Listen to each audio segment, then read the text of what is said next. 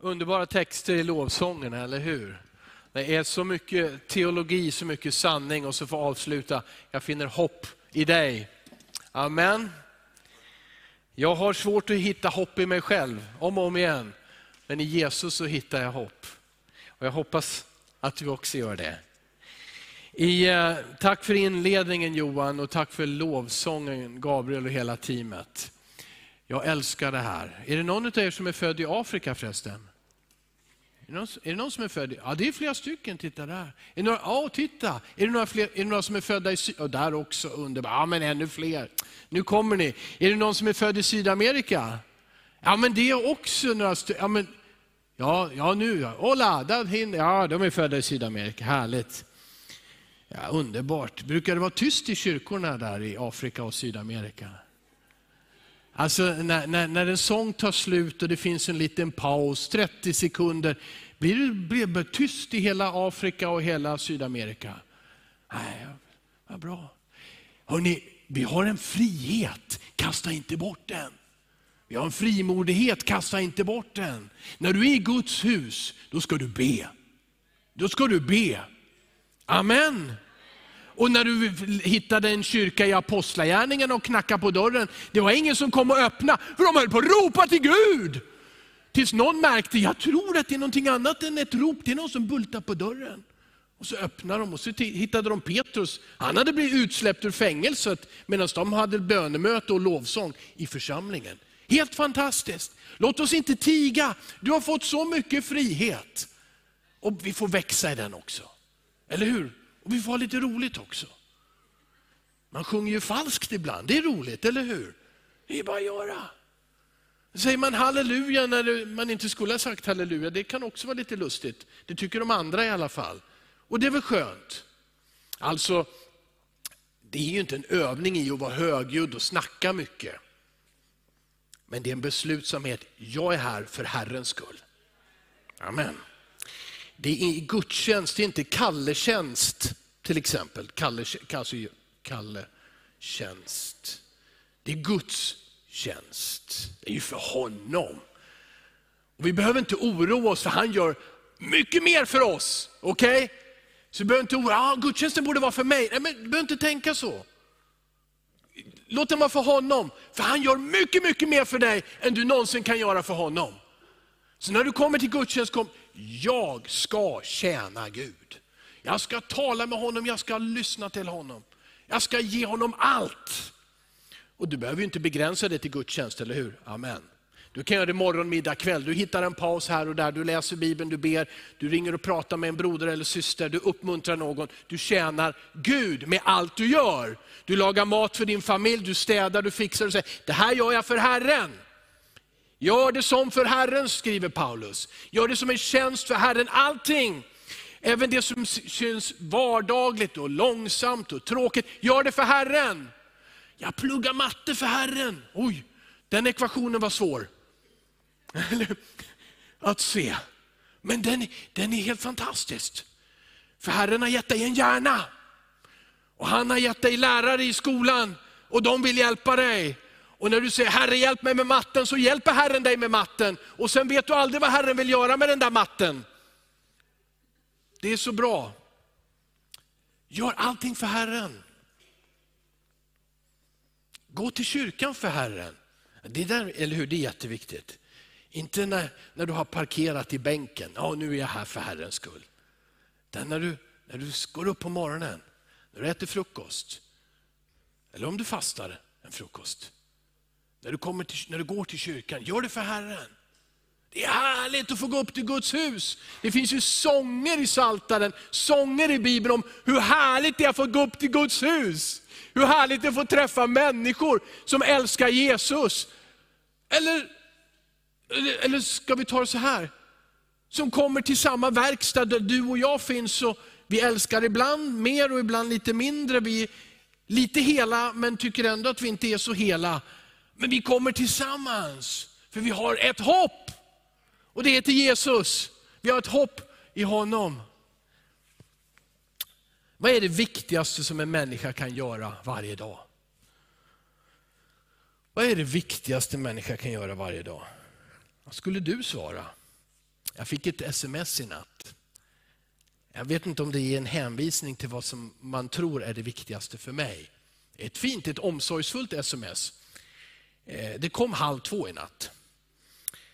Vi köper ny kavaj till dig som är ett nummer större än den nuvarande kavaj. Jag bjuder, sen bara sms. Och då tänkte jag, ah, det är de som tänker att det viktigaste för Kalle, det gäller att ta hand om det. Jesus ger ett väldigt klart svar i Markus evangeliet på vad som är det viktigaste. Och det är faktiskt inte mat. Eller hur? Vad är det viktigaste varje dag? Eh, det, och vi ska läsa det strax, men vi måste sätta det i kontexten. När Jesus säger det här så är han på tempelplatsen.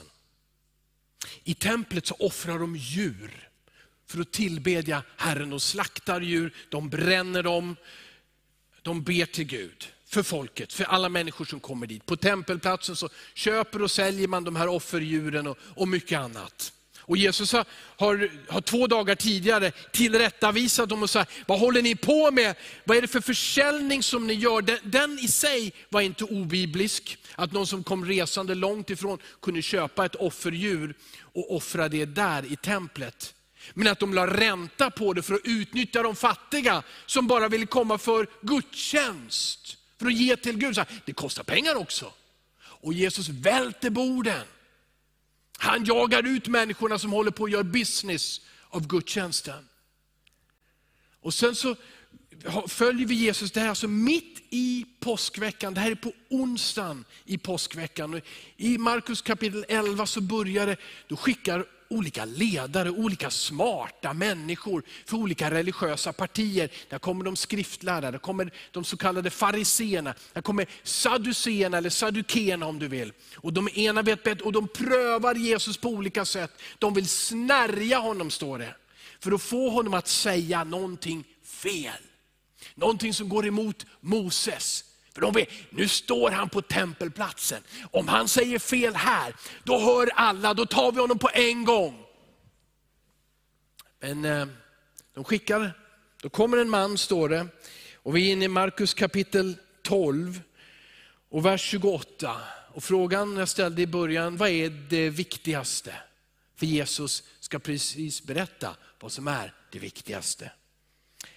Vers 28. En av de skriftlärda som hade hört dem diskutera insåg att Jesus hade gett dem ett bra svar. Han kom fram och frågade honom, vilket är det främsta av alla buden? Det viktigaste, det främsta, det första. Jesus svarade, det främsta är detta. Hör Israel, hör Herren vår Gud, Herren är en. Och du ska älska Herren din Gud av hela ditt hjärta, av hela din själ, av hela ditt förstånd och av hela din kraft. Sedan kommer detta, du ska älska din nästa som dig själv. Inget annat bud är större än dessa. Jesus svarar. Det här var en fråga som var vanlig. Den, var, den, den fanns i diskussionen, i sökandet, i samtal. Kommer ni ihåg den unge rike mannen som kom till Jesus och sa, vad måste jag göra för att få evigt liv?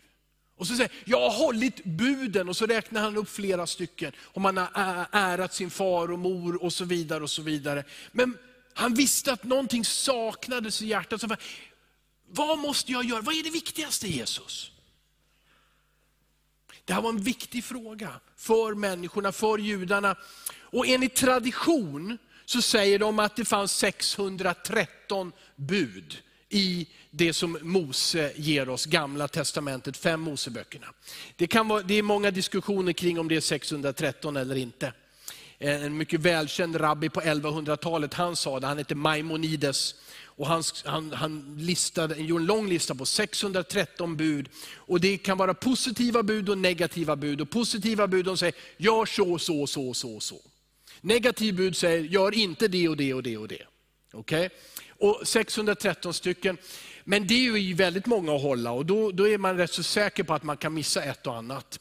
Så för många var det kanske att försöka hitta, ja, men om, jag, om jag håller några, kan du känna igen det här lite grann från ett kristet liv där det inte brinner så mycket i hjärtat? Det är så mycket att hålla, men om jag, om jag bara håller några, om jag, sköt, om, jag, eh, om jag kommer till kyrkan på söndagar, så måste ju inte Herren titta på att jag köper saker utan att betala skatt, eller hur? Måste jag hålla alla bud? Det, det, det här är normalt tänkande för, de, för en människa. Men, men så märker de, ja, men det, jag klarar ju inte av ens att hålla några bud. Så Gud, finns det ett bud? Finns det, finns det en sak som jag måste hålla? Som jag kan lova att jag ska hålla dig. Och Jesus gör det lätt. Eller så gör han det jättesvårt. Vad tycker du? Älska Herren din Gud av hela ditt hjärta, hela din själ, hela ditt förstånd.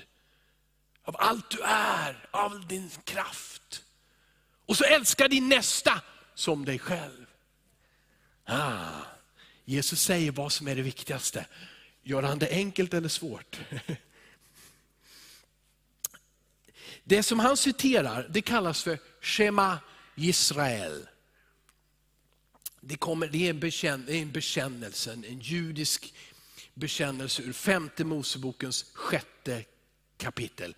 Hör Israel, Shema Israel, Herren din Gud, Herren är en. Så börjar Jesus, och Gud är en. Och det säger, det säger både gamla och nya testamentet, men Bibeln uppenbarar också att även om Gud är en, så är det tre personer i Gud. Fadern, Sonen och den helige Ande. Jag vill bara nämna det här för jag tycker det är viktigt. Bibelns undervisning om treenigheten, den kan sammanfattas på följande sätt. Det här går fort nu då. Gud är en treenighet med varje person i gudomen likvärdig fullständig och evigt Gud. Amen. Det finns ingen av dem som är lite mindre Gud och någon som är mer Gud. En som är det för ett tag och sen inte längre. Jag läser så här också, jag citerar från en hemsida, den är skriven på svenska men den heter christiananswers.net. Var och en, alltså utav de tre personerna i gudomen, var och en är nödvändig och var och en är en distinkt person. Och ändå är de tre tillsammans en. De tre personerna uppträder i en logisk ordning. Fadern är den osynlige, allsmäktige, källan till allt som finns. Uppenbarad i och genom Sonen upplevd i och genom den helige Ande. Sonen utgår från Fadern och Anden utgår från Sonen. Med referens till Guds skapelse är Fadern tanken bakom den. Fadern är tanken bakom skapelsen. Sonen är ordet som skapade. Och anden är den handling som gjorde det till en verklighet. Och alla pingstvännerna ropade, ja, eller till och med halleluja. Ja, det, det här är inte så lätt, eller hur? För matematikerna ibland oss. Eller så är det här en av de mest logiska förklaringar som det finns på ett universum där det finns enhet och mångfald. Att han som är ett och ändå tre kan skapa med en enhet och samtidigt en mångfald och säga, det här är min avbild.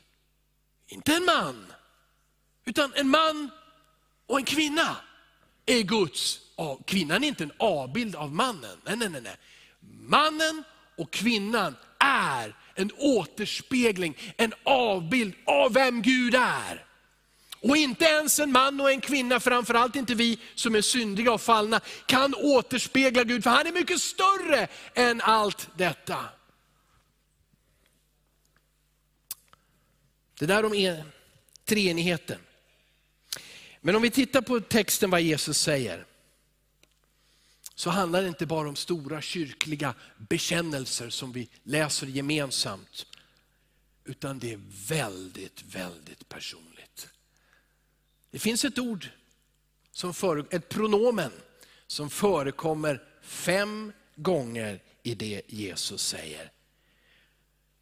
Och du ska älska Herren, din Gud, av hela ditt hjärta, av hela din själ, av hela ditt förstånd, av hela din kraft.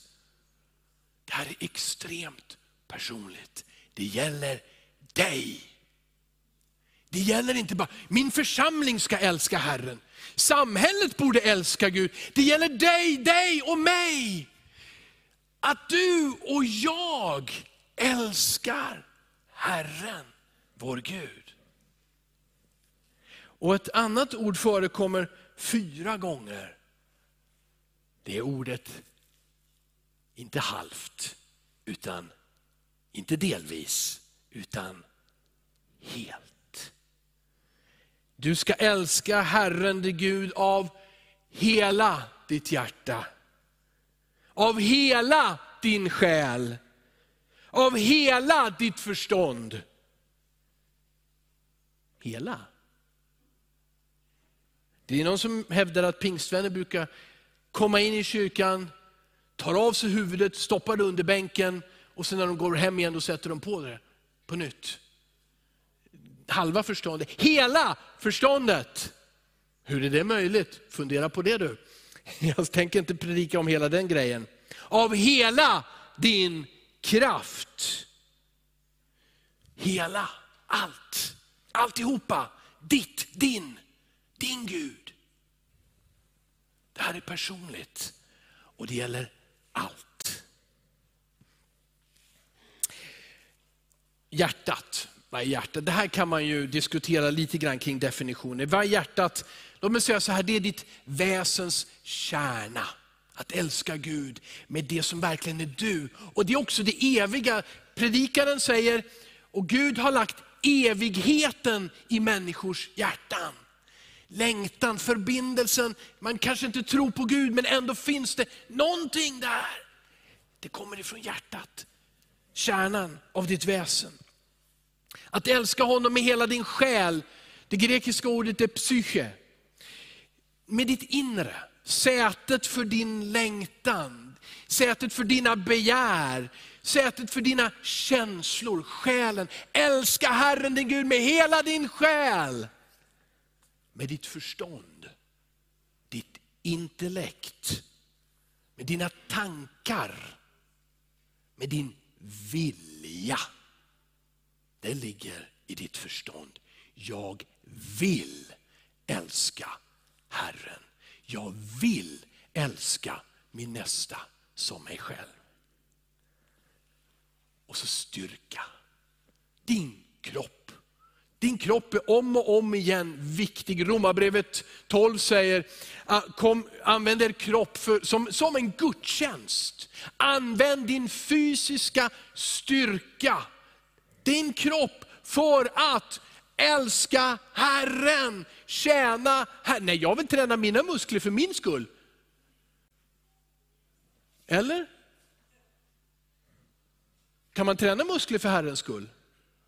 Det borde man väl kunna, eller hur? Absolut, säger Johan. Då är det så. Din kropp är ett tempel för den heliga ande. Fyll det med lite mus omgiv anden med lite muskler. Och lite mindre mat ibland. Det blir bra. Älska Herren med allt. Och kanske inte bara kroppen. Som Johan sa här tidigare. Ett hus, bilar, saker. Älska Herren med allting som du har av fysisk materia. Så hur kan det här se ut? Och det är nu som den här predikan blir jättesvår och jättejobbig, eller hur? Hur ska det här? Vi älskar Gud, eller hur? Ser man det på våra liv alltid?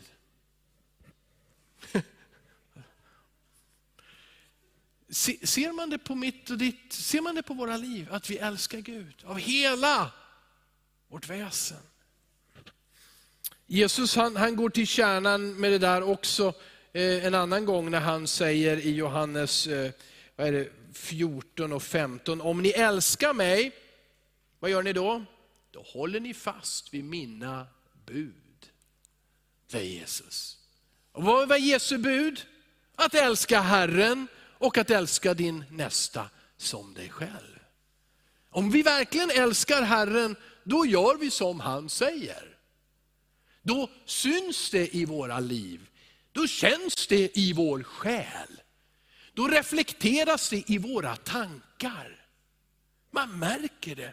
Man kanske till och med ser det fysiskt på något sätt. Att hon älskar Jesus.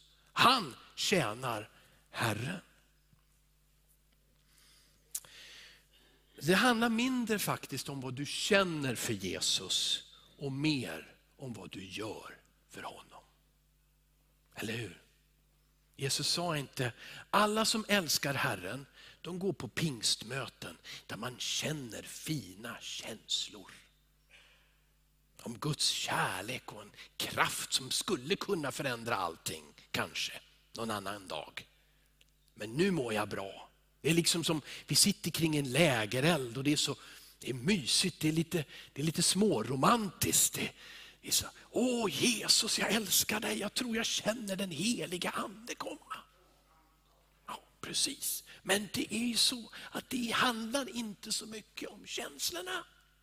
Utan det handlar om vad vi gör, säger Jesus. Om ni älskar mig håller ni mina bud. Vad ska vi göra för ekvation och matematik utav det? Det är så klart vad han säger. Och det är så jobbigt tycker jag, för jag tycker att det här är ärligt svårt. Om vi tittar lite på originaltexten i, i femte Mosebokens sjätte kapitel. Hör Israel, Herren vår Gud, Herren är en. Du ska älska Herren, din Gud av hela ditt hjärta, av hela din själ, av hela din kraft, skriver Mose. Dessa ord som jag idag befaller dig ska du lägga på hjärtat. Men om vi läser versen innan, då står det så här i vers 3. Femte Moseboken 6 och 3. Du ska lyssna Israel och vara noga med att följa dem så att det går väl för dig och ni blir mycket talrika.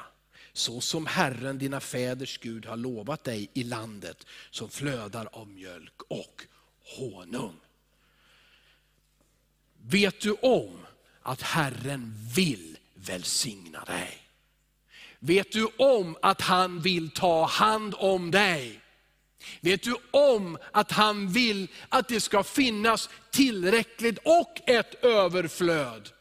Både att offra utav det som betyder något för mig, men också få ett överflöd. Att ge, att ge gärna av hela hjärtat med glädje. Gud älskar att ge och han älskar när vi ger och därför så ger han till oss så att vi kan ge. Det här är vad Gud vill. Det finns ingen Gud som säger, jag vill att du ska vara sjuk halva eller hela livet. Det finns ingen Gud som säger, du ska ha det så svårt att till slut så dör du av hunger. Det finns ingen Gud som vill plåga dig, men det finns en Gud som älskar dig och vill välsigna dig. Men då säger han så här, då ska du älska mig av hela ditt hjärta. För då kan jag välsigna dig. För Herren vill inte ge sin ära till någon annan. Han vill inte att du och jag använder det vi tjänar för vår egen makt, för vår egen bekvämlighet. Han kan inte dela det med någon när du säger, titta vad jag har arbetat bra. Titta vad jag var stark och smart. Klok, jag tänkte före alla andra. Jag investerade rätt, jag gjorde det. Oj vad jag är bra. Jag kan undervisa er om hur man ska göra. Men Gud delar inte sin ära med en människa. Men han vill välsigna dig. Det är, han har beslutat sig för att välsigna dig. Det kallas nåd, nåd, nåd. Amen. Det här, är, det här ligger till grund. Som vi bara, ja vi ska ju gå fort igenom det här. Okej. Okay. Om vi läser den här texten, eh, då så, så handlar det ju, det, att älska Gud handlar om att älska honom med övertygelse med hela ditt hjärta. En Jesu lärjunge lever inifrån och ut, inte utifrån och in. Inte, jag skärper mig, jag uppfyller de här lagarna, jag gör så här, så kanske jag mår bättre där inne. Nej, jag tar emot Jesus, jag ger upp, jag bekänner min synd, jag bjuder in honom och lämnar allt till honom. Och han ger mig ett välmående, och en kraft, och en styrka, och ett perspektiv att älska honom och min nästa. Låt honom göra arbetet. Hjärtat. Sen handlar det inte bara om övertygelse, utan det handlar om att leva ut det övertygande. Det står så här i vers 7 då i, i femte Moseboken 6. Du ska inskärpa dem hos dina barn och tala om dem när du sitter i ditt hus och när du går på vägen, när du lägger dig och när du stiger upp. Vi ska inte tvinga på våra barn eller någon annan någonting. Men våra liv, om vi älskar Herren, då måste det också vara övertygande. Han älskar Oj, se vad hon, vad viktig Gud är för honom, för henne. Det är övertygande, lite utmanande, så som Jesus säger, ni ska vara jordens ljus och salt. Det finns något övertygande, något starkt. Man märker att Gud har första prioritet i ditt liv. Det ska levas ut verbalt att du älskar Herren. Nej, men jag pratar inte så mycket. Jag vill inte säga så mycket.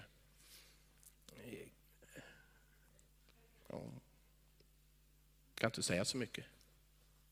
Du ska inskärpa dem hos dina barn. Du ska tala om dem i ditt hus, på vägen, när du går och lägger dig, när du stiger upp.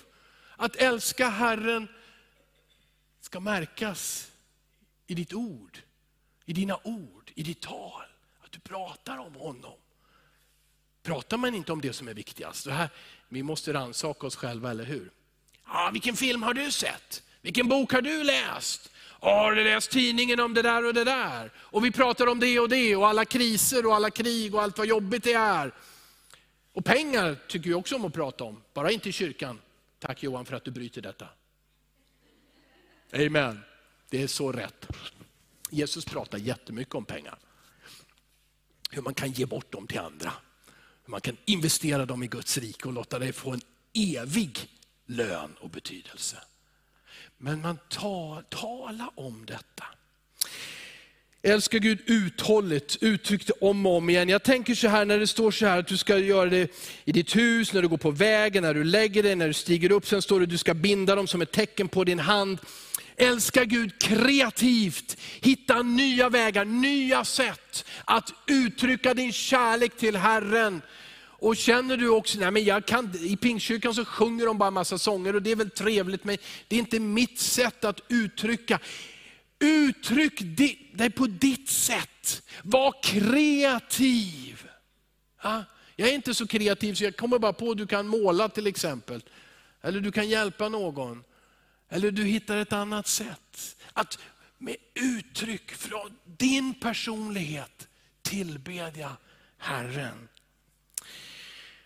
Och så är det faktiskt så här att det här är väldigt osvenskt har det väl blivit. Lev ut din kärlek till Gud och till Guds ord i ögonfallande. Du vet att det syns. Du ska skriva dem på dörrposterna i ditt hus och på dina portar. Syns det att du prioriterar Gud som nummer ett? När man kommer hem till dig, kanske när man kliver in i din bil, när man ser dig. Syns det? Gud säger, låt det vara iögonfallande. Låt det synas och märkas vem som är viktigast i ditt liv. Förstår ni? Det blir så tomt i Sverige om det är liksom ropet av en skrikande predikant i Pingstkyrkan. Och det, uh, uh, det finns ett eko men det är alldeles tomt. Men om Sveriges land och vår stad, det, det syns att det finns människor som säger, Jesus är det viktigaste som har hänt mig. Han är det största som har hänt mig. Jag har använt min karriär till att tjäna honom. Jag avstod från saker för jag älskade honom. Får det synas att du tror på Jesus? Så säger i alla fall Mose. Vi går tillbaka till Jesus. Vi går tillbaka till Markus. Är ni med mig fortfarande? Mm. Tack för detta. För att det står så här då i vers 31, älska, sedan kommer detta, du ska älska din nästa som dig själv. Och inget annat bud är större än dessa. Så de frågar Jesus om vilket ena bud, men Jesus väljer att svara med två bud. Och de hänger ihop och går inte att skilja åt. Älska Herren vertikalt, älska din nästa som dig själv. Och Jesus ger olika exempel.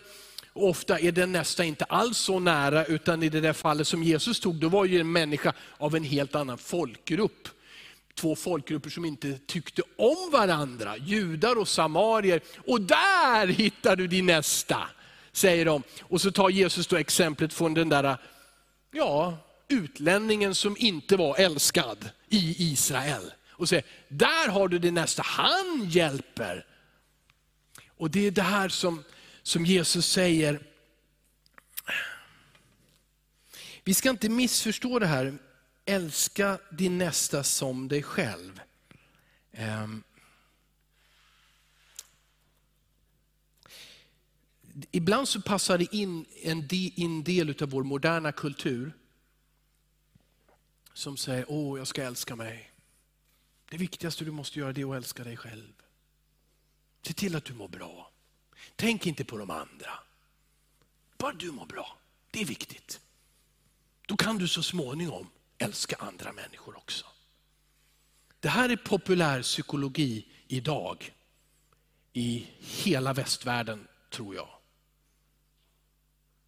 Ja, nej, vänta lite, ta det lite lugnt.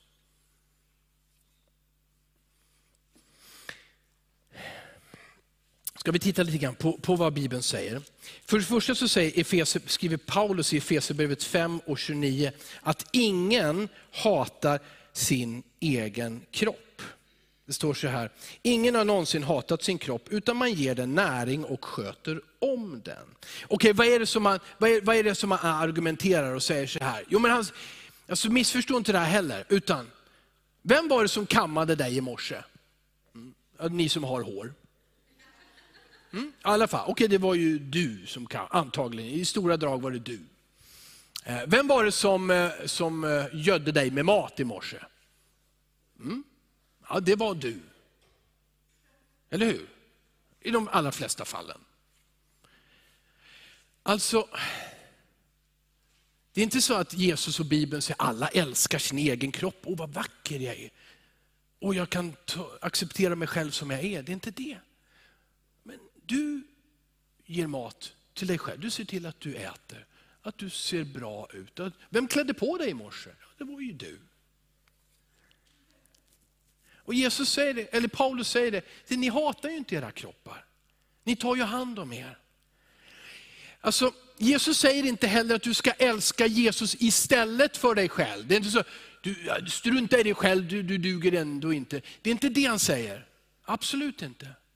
Men vad säger Jesus? Jag tror att han säger så här. När du ser någon som är hungrig, försätt dig här med ditt förstånd i hans och hennes skor och situation. Vad skulle du önska i den situationen? Gör det för honom och henne. Där har du det. Älska din nästa som dig själv.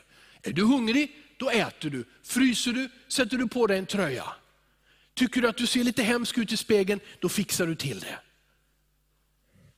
Det är inte så svårt att tänka så, eller hur? Här är en människa som inte har. Här är en människa som inte kan. Här är en människa som ingen bryr sig om. Hur skulle jag känna mig och må om jag var i hans situation, i hennes situation? Jag har redan sagt det. Älska din nästa som dig själv.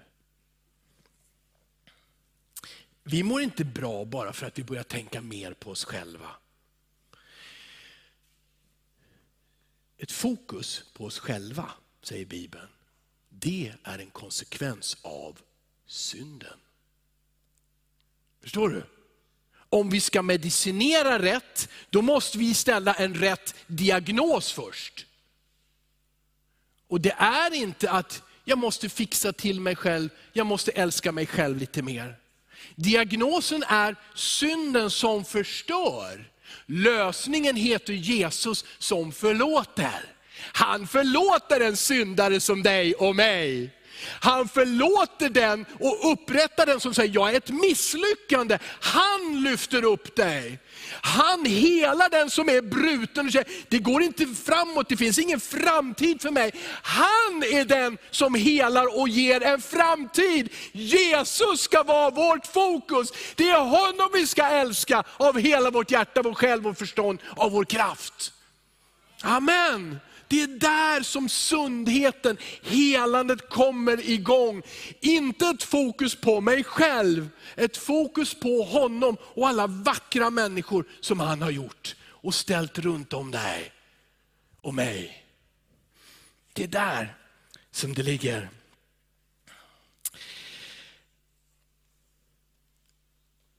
Det här går ju lite grann emot nu då, populärpsykologi och så vidare. Men jag ställde frågan så här, mår människor idag bättre och bättre? Är det så att vi använder mindre och mindre psykofarmaka? psykofarmaka? Statistiken, den är kall. Den är hård. Den talar sitt språk. Det är sällan som vi visar det för varandra. Men statistiken talar om för oss att oj, oj, oj, vad mycket ensamhet, vad mycket psykiskt lidande det finns för trötta själar. Statistiken är hård och kall.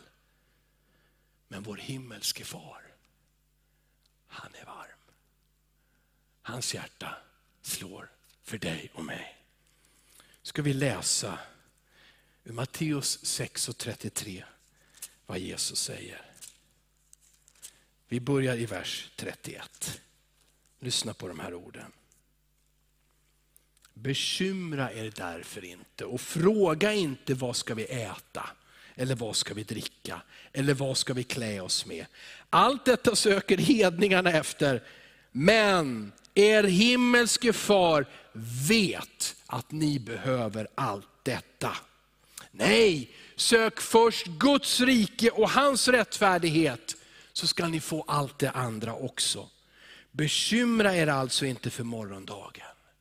Det här är din far. Han ser vad du behöver. Och verserna innan står det beskrivet att han klär dig. Eftersom han klär blommorna på ängen så klär han dig. Eftersom han bryr sig om fåglarna som flyger i skogen och över fälten så, så ser han till att du får vad du behöver att äta.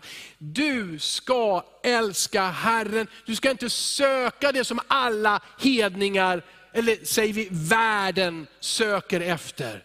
Utan sök Herren först, så tar han hand om dig och om mig. Låt kärleken till Gud och tacksamheten till Gud uttryckas i gärningar som gör att dina medmänniskor tackar Gud för dig och för vad han har gjort i dig och genom dig.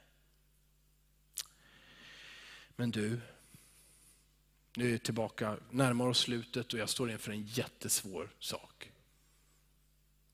Jag betalar hyra. Jag har betalat av bilen, bilen är min. Jag köper kläder.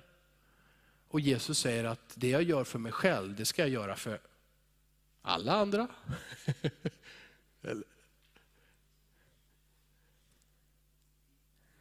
Vi bara säger så här. Vem av oss kan verkligen säga, jag älskar Herren av allting, hela mitt förstånd, hela tiden, av hela min själ.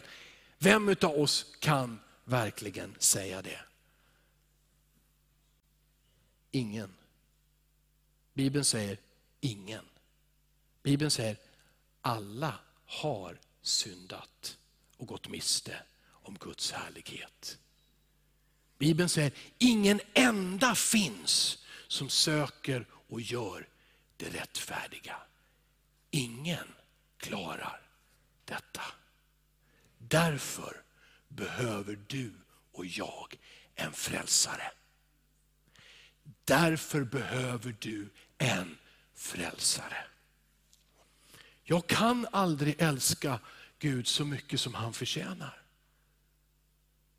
Jag kan inte älska min nästa så mycket som de behöver.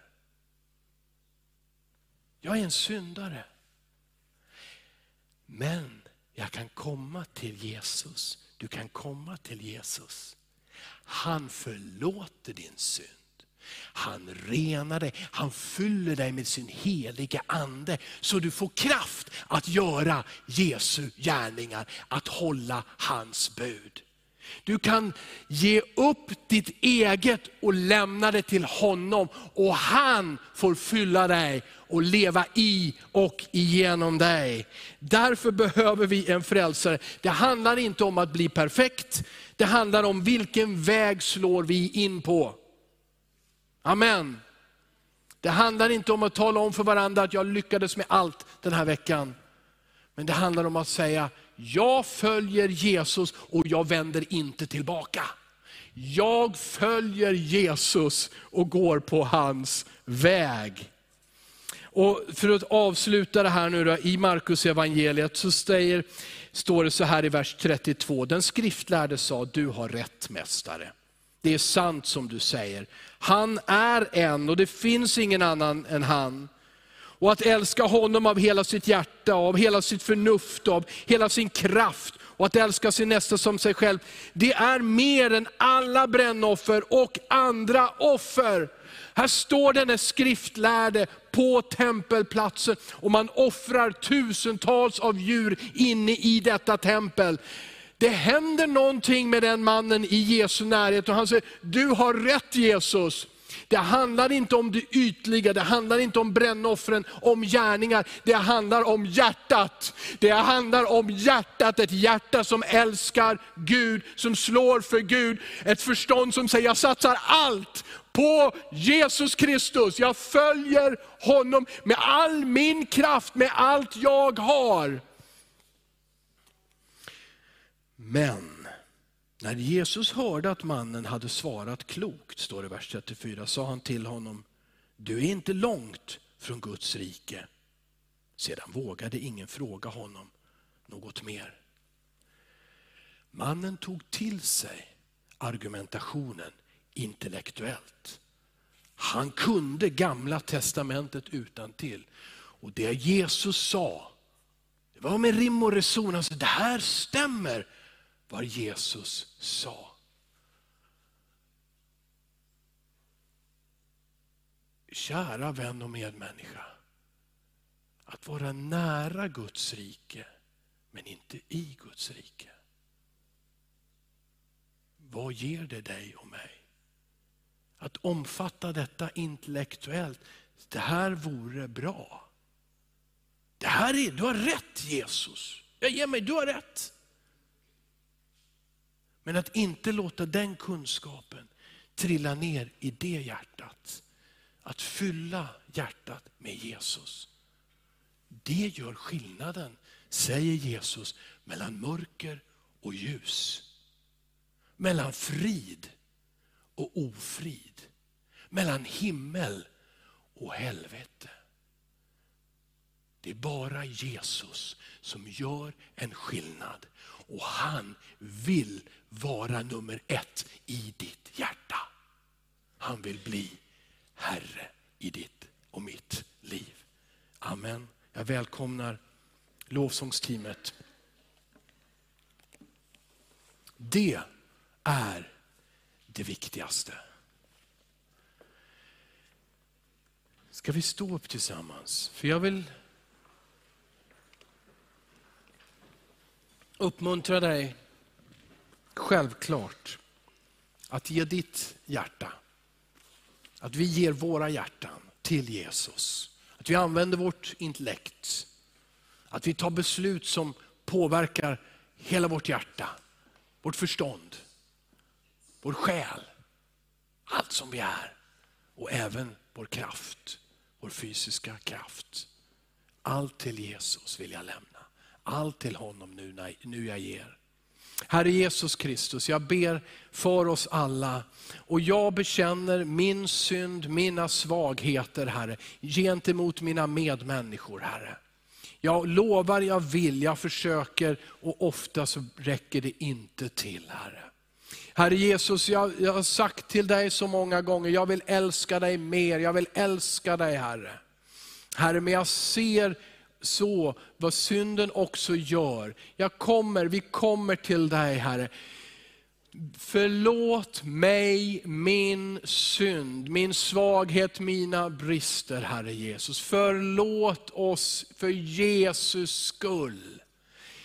Förlåt oss för Jesus skull som tog alla synder på korset och bröt syndens förbannelse för att föra oss in i frihet med en frid och fylla oss med den helige Ande, med en kraft.